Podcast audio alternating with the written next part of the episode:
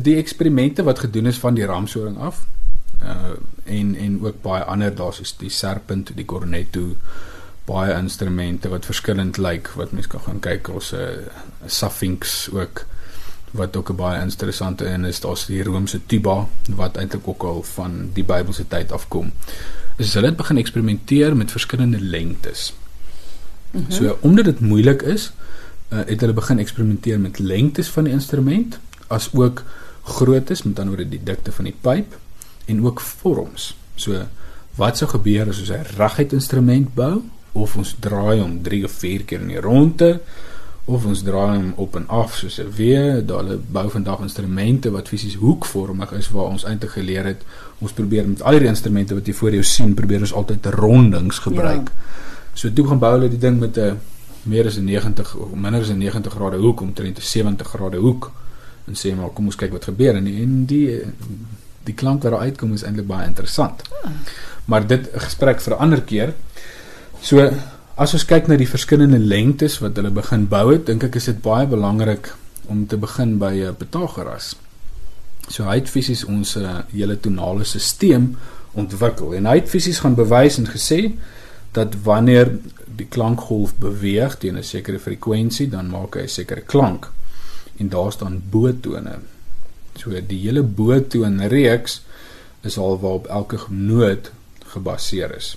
Goed. So toe jy gaan sien dat met 'n lengte pyp of 'n snaar wat 'n sekere hoeveelheid keer vibreer, die lengte van die snaar maak 'n sekere frekwensie klank en hy dan sy sekere bootone.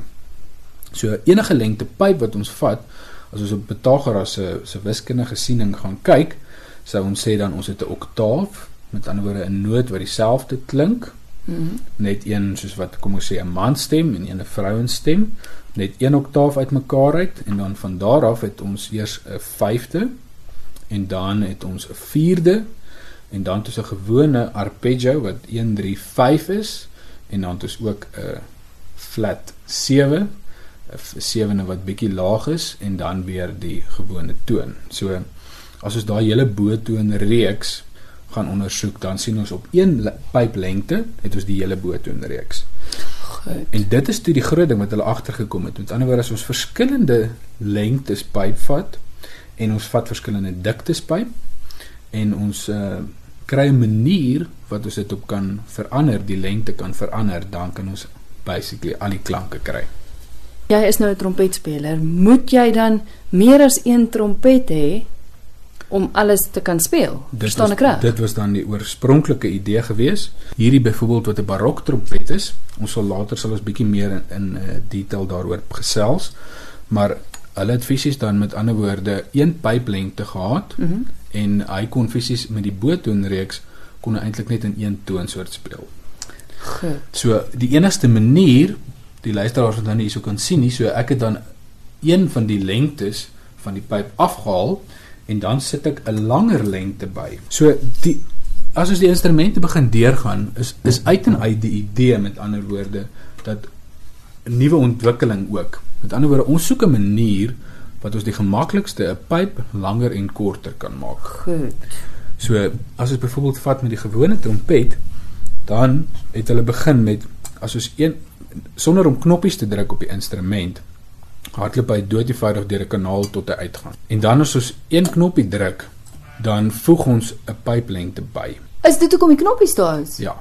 Ah. So as ons 3 knoppies het, dit is fisies waaroor dit gaan. Die botonreeks soos ek verduidelik het, is net 'n sekere aantal note. So wat hulle navorsing op ons moderne trompet is, met ander woorde as ons kombinasies gaan sit van 3 pyplengtes of 4 pyplengtes wat ons het en ons maak dit dan 'n totaal van 7 kombinasies en ons gaan vat daai klein bietjies bietjies bietjies note, dan maak ons op die einde die hele toonleer vol. So met die instrumente wat ons vandag gaan ondersoek, gaan gaan ek vir julle verduidelik met ander woorde hoe was die verskillende instrumente se pogings gewees om pype fisies langer en korter te maak op 'n meer eenvoudige wyse. Ek dink as ons as ons praat oor die verskillende instrumente, weet die die eenvoudig die maklikste instrumente van die koperblaas familie is die trompet wat ons oor gaan gesels.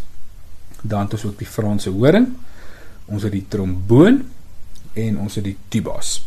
En almal van hulle is eintlik op dieselfde vlak van ontwikkeling sedert die Bybelse tyd. Ehm um, ons gaan verduidelik hoe ons uitgekom het waar ons vandag uitgekom het, maar daar is soveel koperblasinstrumente en partykeer dink ons dis is 'n nuwe wêreld, maar eintlik is dit maar variante van hierdie vier van hulle. So trompet, horing, tromboon en tuba.